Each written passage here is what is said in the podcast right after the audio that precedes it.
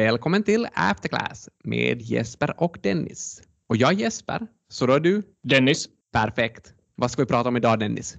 No, Bitcoin är ju på väg upp nu igen, möjligtvis. Så det blir bitcoin igen?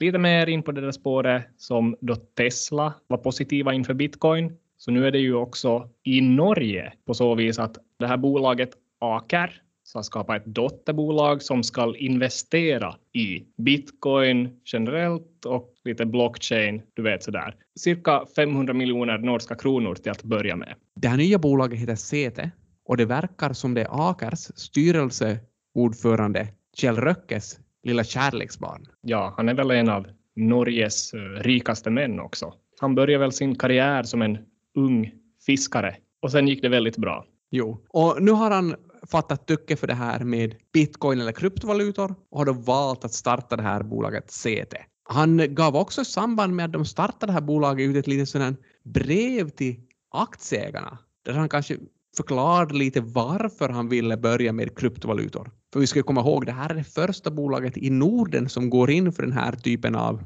första börslistade bolaget i Norden som går in för den här typen av tankar. Jo, det är ju inte så vanligt. I det där brevet så det kom fram ganska mycket information. Vissa saker kanske var lite sådär instabila. Jag tänker till exempel på det där han sa att ja, det, allt jag kan om bitcoin och blockchain så har jag hört just på podcaster och läst i nyheter och så vidare. Så det, den där bakgrunden verkar inte helt stabil. Sen utöver att han sa det vad han lärt sig om bitcoin så skrev han ju också lite varför han gör det här. Ja, vad var orsaken då alltså? Han hade i grunden den här orsaken att han anser att pengars värde minskar över tiden. Och egentligen helt det här vanliga konceptet med inflation. Att över tiden så minskar dina pengars värde, men han påstår att ja, det kanske inte fungerar på samma sätt om man äger en kryptovaluta, till exempel som bitcoin, där antalet är begränsat. Så någon sån grundtanke har han där att därför skulle det vara bra att ha en del av sitt kapital i just bitcoin.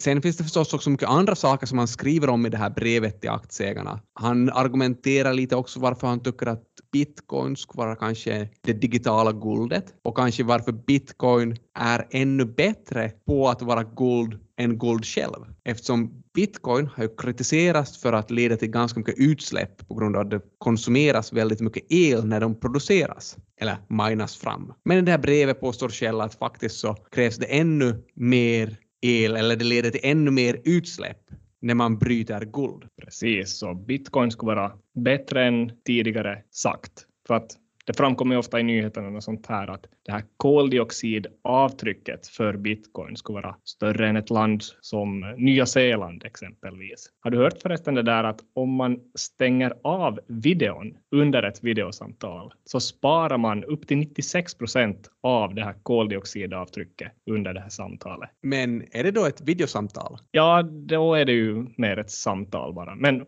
hur som helst. Okej, okay, så bitcoin, det är bra grejer. Men på tal om det här, din analys, lilla skakighet, så var det nog vissa skakigheter i det här brevet också. Kjell nämner att såklart så finns det risker med bitcoin, men han säger också att Visst, det finns risker med bitcoin, men man kanske inte har beaktat den här risken att man missar den här stora uppsidan som finns med bitcoin. Det låter lite som det här FOMO, fear of missing out, och det är väl förknippat med lite farligheter det också.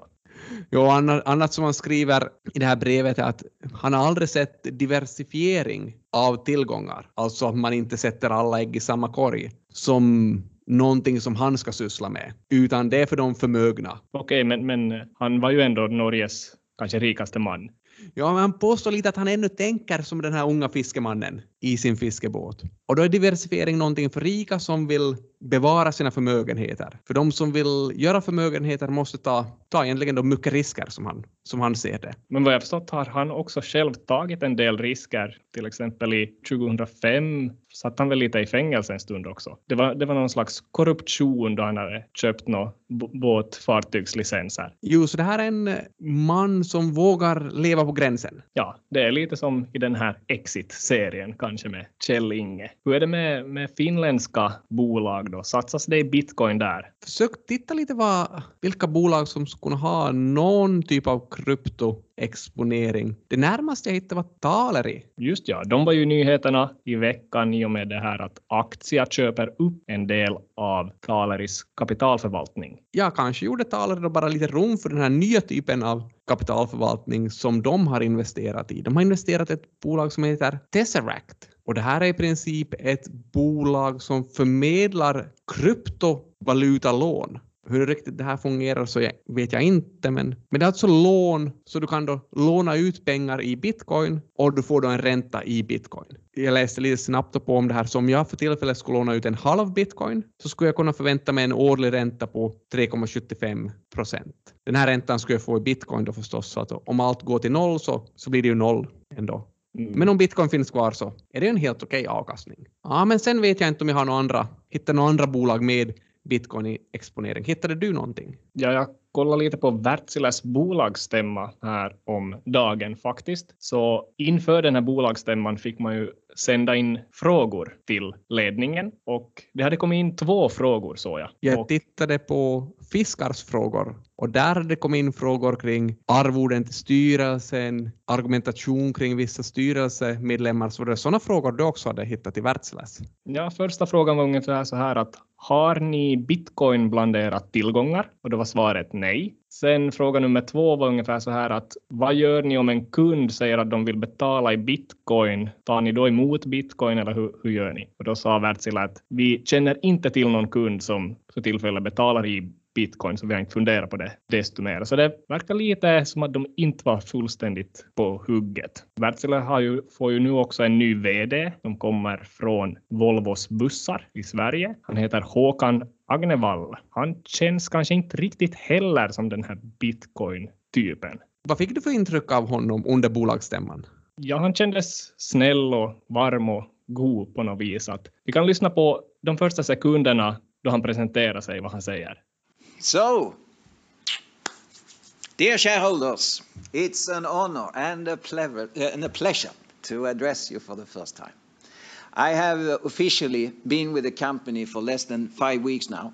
Så kunde man inte kanske ha sagt att man har varit åtminstone några veckor på jobbet?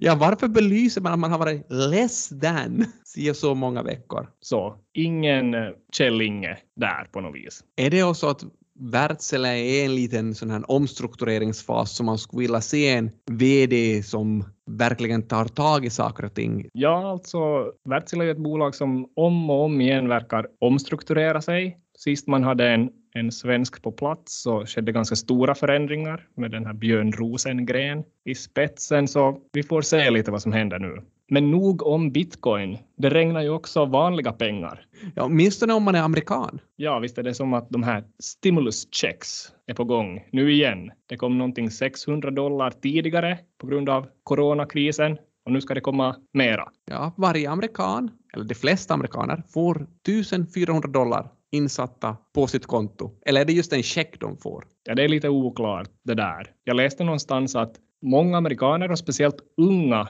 amerikaner kommer att investera 50 procent av sina stimuluschecks någonstans. Att först köper man en Playstation 5 och sen investerar man resten. I GameStop? Till exempel i GameStop. Så det borde ju tillföra lite likviditet. Och just när det kommer så här mycket likviditet in till aktiemarknaden så kan det här ju leda till lite extrema värderingar. Jag menar, vi nämnde just GameStop, vi har nämnt GameStop tidigare och nu igen den här veckan så är GameStop gått som en raket. Och lite pannkaka också. Men jo, stora rörelser och intressanta värderingsexempel. Vi har ju det här Nightingale i Finland också som har den, sin börsnotering på kommande. Så de har kommit fram till eh, ett sånt här listningsprospektdokument nu också. Det är fritt fram att teckna aktier. Det där prospektet är 189 sidor och eh, summa summarum så siktar man alltså på en cirka 110 miljoner euro som ska in och det skulle totalt sett ge en värdering på 450 miljoner euro. Nästan en halv miljard euro. I amerikanska sammanhang brukar man ju kalla en miljard bolag till unicorns så det här kanske är då en halv unicorn. Ja, det blir någonting sånt. Eller är det som mer en häst bara utan den här spetsen?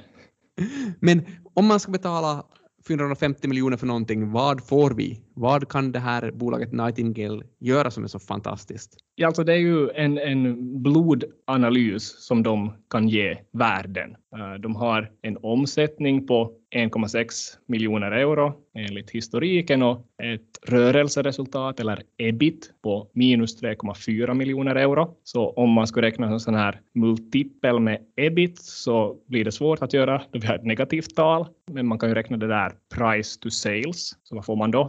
280 gånger. Är det rimligt? Det är inte rimligt, men är det så att vi måste som bara säga att okej, okay, det här är ett framtidsbolag? Så vi det måste, måste mer fundera på att vad kan det här bli värt? Och hur mycket pengar kan, eller inte vad det kan bli värt, utan hur mycket pengar de kan göra i framtiden. Så vad har vi för, jag menar, har vi någon info om den här businessidén? Ja, alltså man kan köpa, bor man i Helsingfors exempelvis kan man köpa först via deras webbsida en sån här blodanalyskit för 109 euro och sen fara och testa sig. Och jag menar, om, om jag köper ett sånt här kit då för 109 euro, hur mycket lämnar kvar av det här 109 euro i Nightingales kassa efter att vi har dragit bort kostnaderna? Det är lite svårt att säga baserat på det här officiella bokslutsmaterialet, men kanske man kan slänga fram någonting sånt här att säga att det är ändå ganska höga marginaler, så kanske 50 euro skulle lämna. Så jag menar om vi tar bara Finland då till att börja med, va? hur många skulle kunna använda den här tjänsten i Finland och vi börjar med något extremt att alla tar ett sånt här test. Jag vet inte, kommer alla faktiskt att ta det? Hur många skulle vilja att skulle ta det? Jag antar att Nightingale skulle vilja att så många som möjligt skulle ta det. Säg att